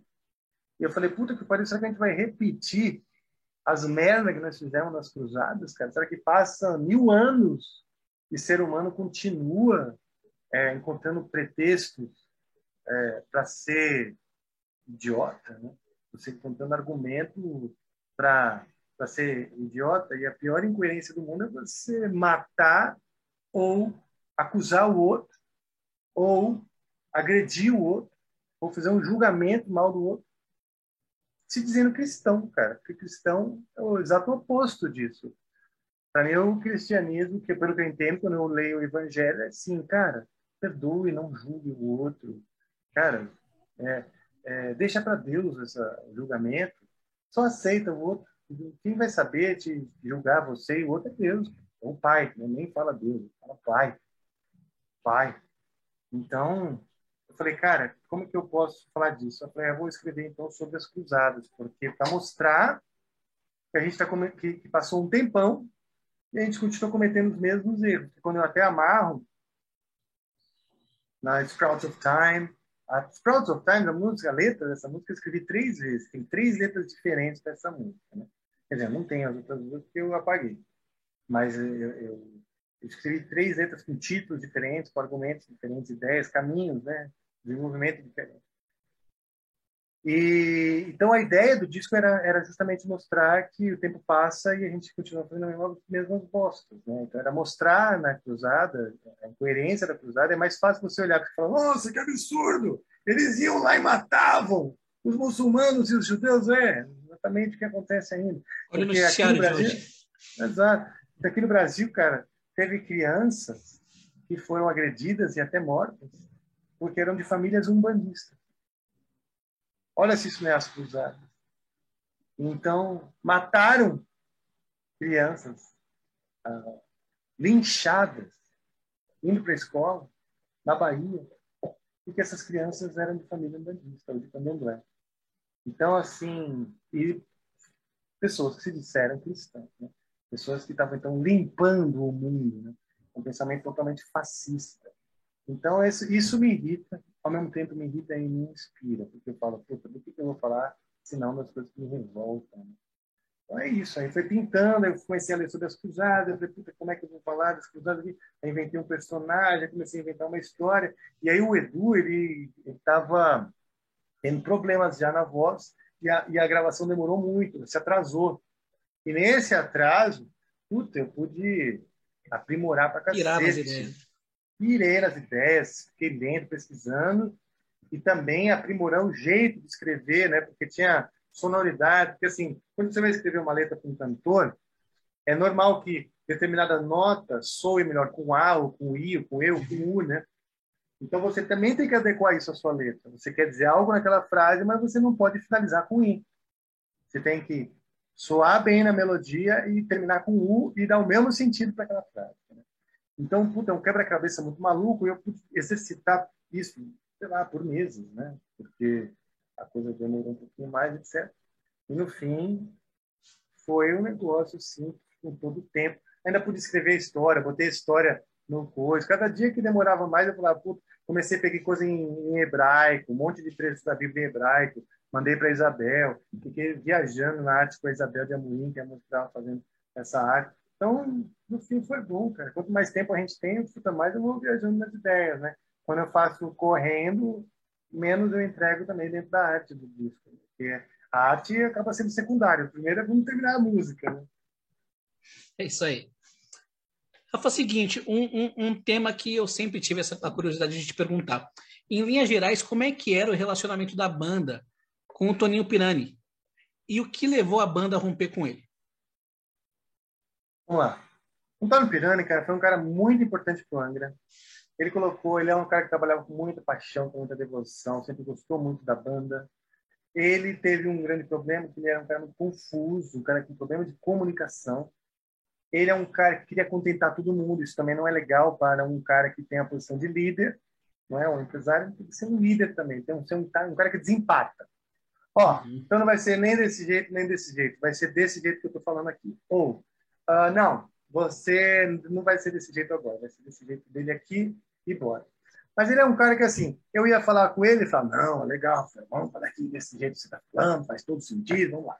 Aí o André ia falar com ele, é verdade, André, tem que ver também, que isso, né? mas também, pô, o Rafael é teimoso, né? Aí eu ia falar com ele, aí o Kiko ia falar, aí ele chegava pro Kiko e falava, não, verdade, Kiko, nós vamos fazer assim, o André é muito teimoso. Então, no fim, você, todo mundo lá estava achando que ele estava, vamos dizer, te endossando, né? quando na verdade ele estava o tempo inteiro em cima do muro e às vezes até colocando um contra o outro. Porque criava uma situação que você falava, não, mas peraí, o Toninho falou isso de você, isso aqui, não, mas quando ia ver, ele armava uns ciclos desnecessários por conta, por nessa vontade de agradar todo mundo, né? e ele queria ver, na verdade, ele queria ver o sucesso da banda, as intenções do Toninho sempre foram melhores, cara. Eu não duvido das intenções do Toninho. Eu duvido da competência. Isso é a minha opinião, ok? Eu tenho parceiros que falam, ah, você não vê que o Toninho é isso, é isso, aquilo. Cara, eu gosto de fazer uma leitura positiva das pessoas com quem eu trabalho e essa é a leitura que eu faço dele. Eu acho que ele era um cara com as melhores intenções, mas não tinha a competência, não tinha a expertise para gerir uma banda internacional, entendeu? E ele poderia ter feito mais parcerias né, com, com propostas que nós tivemos vindo de fora e, na, na, e ele na sua insegurança na sua né talvez limitação não, não conseguiu criar essa ponte né onde ele fosse também um cara da banda mas o tivemos o, o, o empresário do Iron por exemplo, interessado no Angra, na mesma época que o Iron Maiden empresariava o Halloween. Ia ser Iron Maiden, Halloween e Angra. A gente ia dominar o mundo, pô.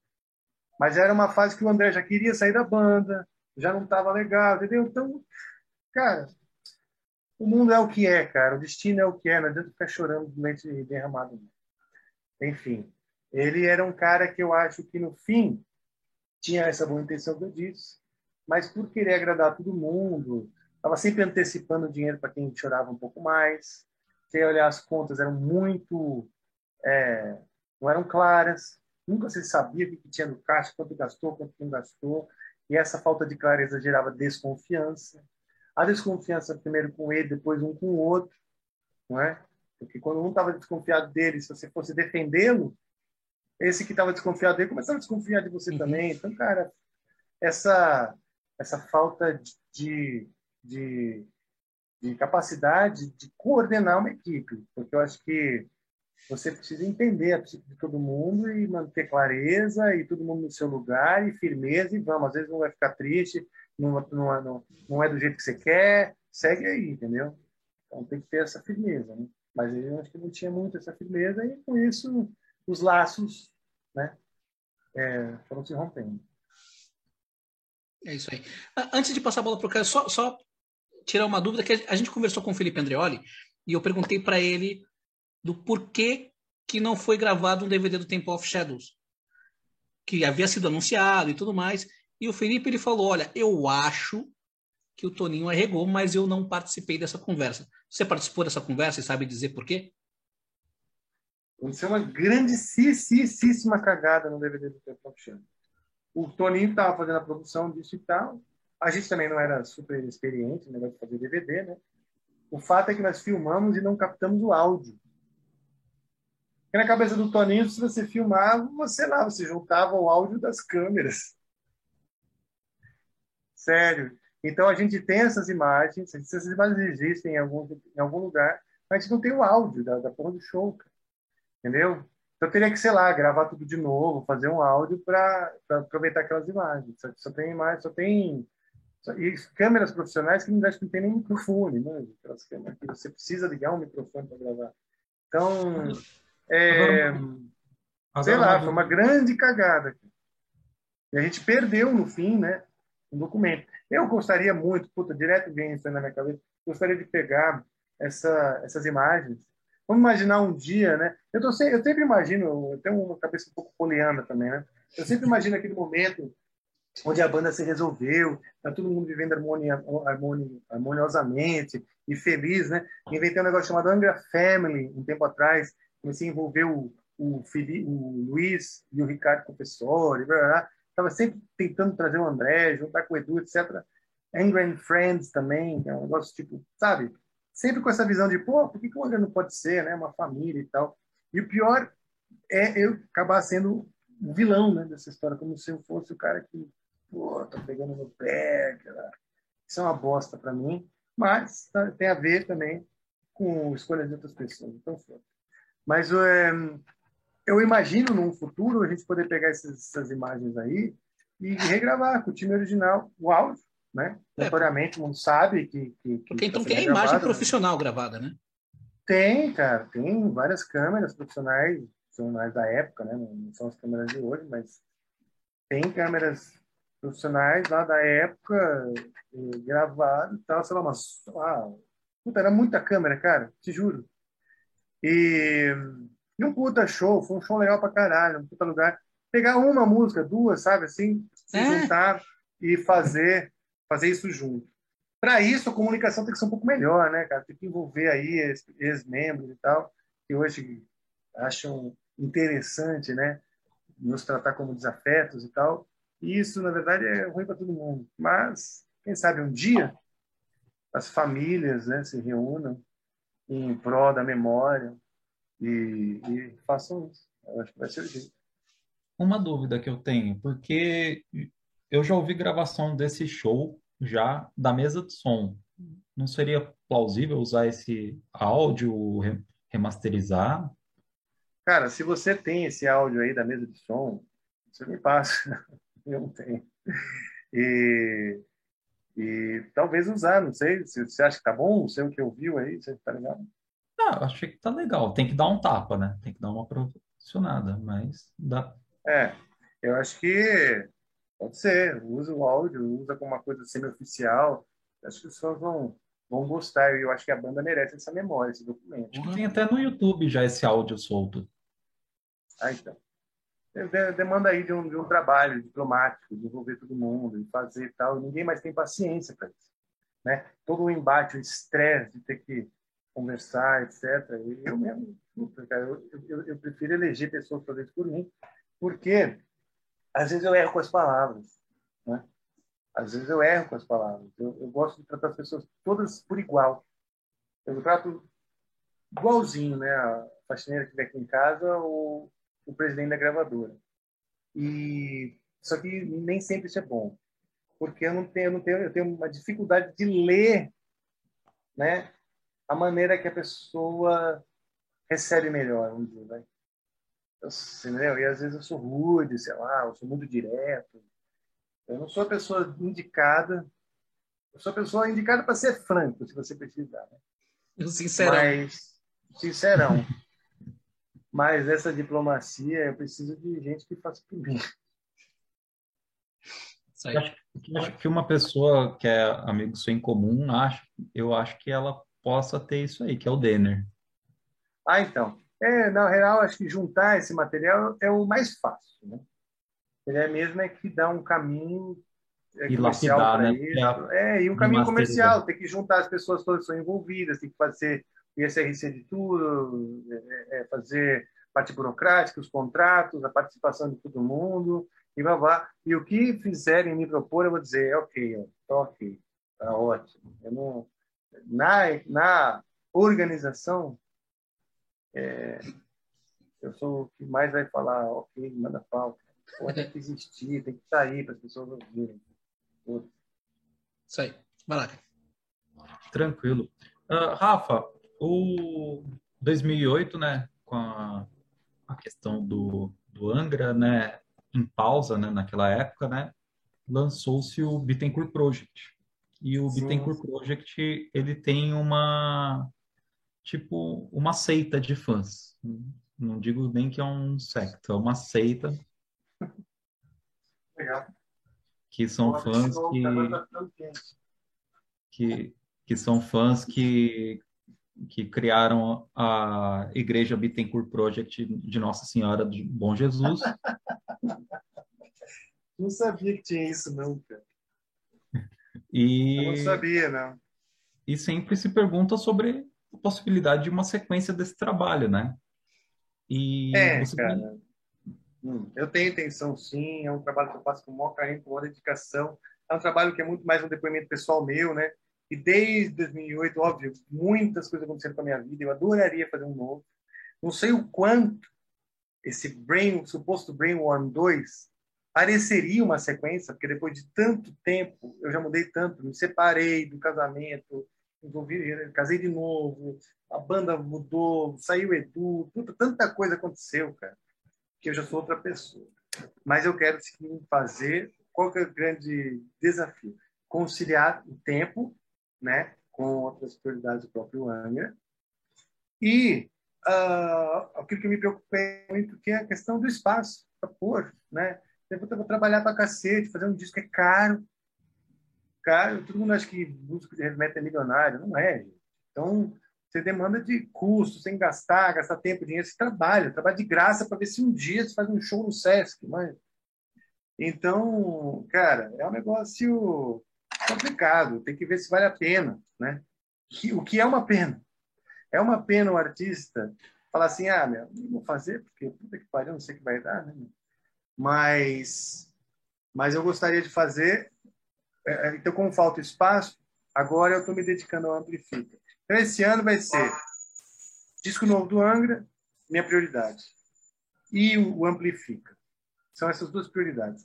Então, estou jogando, estou adiando mais uma vez o Bitcoin Project. Mais uma vez, provavelmente em 2023 é que eu vou trabalhar nisso. Porém, eu vou estar trabalhando toda semana praticamente com a banda Bitcoin Project, que Exato. é praticamente inteira é. lá, entendeu? Basicamente a banda do Amplifica é o Bitcoin Project com substituições quando eles não podem. Entende? Então, isso já está me dando muita cancha. É o que eu queria, mais queria fazer. Eu queria tocar toda semana com o Bittencourt Project. Começou, na verdade, com um papo desse. Ah, nem que seja clássicos do rock, no manifesto. Tô lá, o Bittencourt Project, um lugar fixo, tocando toda semana. Ou num barzinho e tal. Para quê? Para que eu tivesse cancha, para que eu pudesse explorar mais, uh, desenvolver minha voz, porque eu adoro cantar, mas eu nunca tive essa cancha de cantar toda semana, cantar toda uhum. hora, entendeu? E, então, tudo isso eu, eu preciso. E, e aí o Amplifica está vindo para ser a ponte para o próximo Bittencourt Project. Beleza. Agora, desculpa interromper, Manuel, posso fazer uma outra pergunta que não está na pauta? Uh, eu conversei recentemente com o Anderson Bellini acerca do documentário do, do André, que saiu a primeira parte e tudo mais. Uh, ele me falou que em março de 2022 sairia a segunda parte. E ele uh, teve uma ideia que eu acho deveras interessante, que é reunir a primeiríssima formação do Angra para fazer um show, uma canja, que seria você, o Marco Antunes, o Luiz e o... o André Bastos. Isso, o André Bastos, para fazer um show da, dessa formação, porque nunca teve. Na sua opinião, é você aceitaria? Cara, eu, eles já me falaram disso daí, eu acho legal a ideia, é um conceito legal, romântico, etc. Mas, assim, é foda, porque não vai ter o André, né? O André é o cara, assim, que, que incendiava a coisa. E teria que ser, sei lá, com convidados cantando, sei lá, tocar as versões mais antigas. E a ideia é linda, mas ela demanda de um preparo. Para ficar legal, vai ter que ensaiar, tirar as músicas, se encontrar, para idealizar, gastar um tempo. E hoje, cara, meu tempo é escasso mesmo. É... Teve uma época que eu abraçava de tudo, de tudo um pouco, e acabava uhum. estressado, não, não realizava as coisas direito. E agora eu estou priorizando mais. Então, eu tenho um amplifico que, que eu tenho pelo menos dois ou três dias da semana já tomados para isso. Né? A gente tem o dia de preparo, o dia de ensaio, o dia de gravação, tem o disco do Angra e os livros que eu estou escrevendo. Né? Então, é bastante coisa que eu já estou fazendo. E a família e outras coisas. Ah, tempo para olhar uma série, ler um livro também, entendeu? Tempo para respirar, se masturbar, fazer sexo. Isso aí. Rafa, é o seguinte, quando a gente conversou com o Felipe Andreoli, ele nos contou sobre o episódio da saída do Aquiles Priester da banda. E em determinado momento dessa entrevista ele falou que você, que se não fosse você, ele teria saído anos antes. Uhum. É, quero saber o quão difícil foi a saída de um baterista do nível do Aquiles da banda. Cara, desculpa, tá? Mas a saída do Aquiles foi um grande alívio, bicho. Porque não foi difícil. I'm sorry, tá? Foi um alívio. Porque, assim, sempre que você me perguntar, eu não sou um fã do Angra, que está lá, pô, isso aqui, entendeu? Sou um cara que está lá trabalhando. E se tiver uma coisa aqui que está atrapalhando o trabalho, né? para quem está lá dentro, é, se quando que essa coisa não existe mais, a coisa melhora, entendeu? Então, desculpa, mas era um cara que, para trabalhar em equipe, assim, muito difícil, muito difícil. Um grande talento, ótimo, mas em equipe, tô fora. Então, a gente é, receber na época foi incrível, desculpa. Difícil porque Cara, ah, outro batera, meu, eu decidi chamar o Ricardo de volta, porque eu achava que tinha, o público também merecia essa coisa do, do, do, do da, da, relação afetiva, né, do músico com, com, o trabalho e tal. Mas, porra, olha aí, cara, na, na internet, o, o, o, quantos bateras incríveis não existem, bicho, né? Então, é que o Angra, ele cria uma aura de invencível. Ninguém lá, nem eu, ninguém aqui é invencível. A aura de herói vem porque a pessoa tocou num palco com um logo escrito Angra atrás. Uh, sobretudo, você escutou o último disco dele, o Vera Cruz? Sim, muito bom. Curtiu? Muito Legal. Eu, eu achei muito bom mesmo, cara. Não, muito bom. E, é um disco ótimo. E ele, e ele é, como fala, foi, é, foi 100% de acerto no que ele propôs. Ele propôs fazer um disco inspirado no Temple of Shadows, né, né? E o público estava querendo isso também. Ah, oh, que legal. E ele teve sucesso no que ele se propôs, que é fazer um disco semelhante ao Temple of Shadows. Ótimo. Parabéns. Uma... Não é o que eu quero fazer, né? Uma dúvida, você ouvindo o disco, porque assim, o disco ele foi gravado aqui no Brasil, né? E grande parte das produções do Angra, né, as últimas foi na Suécia, lá com Jensborg, né?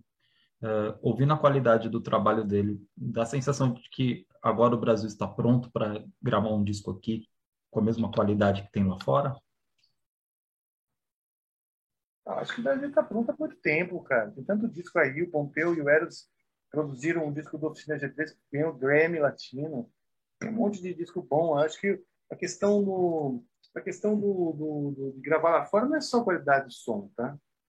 É, é como você vai posicionar um som no mercado internacional.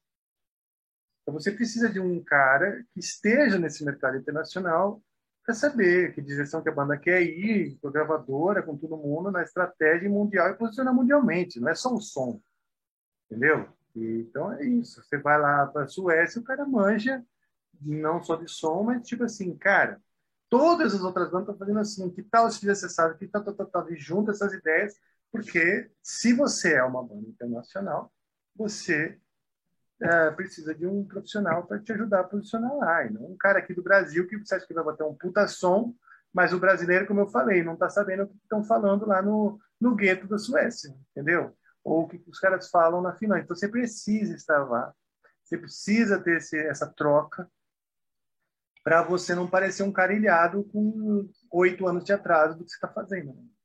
É isso. Entendido.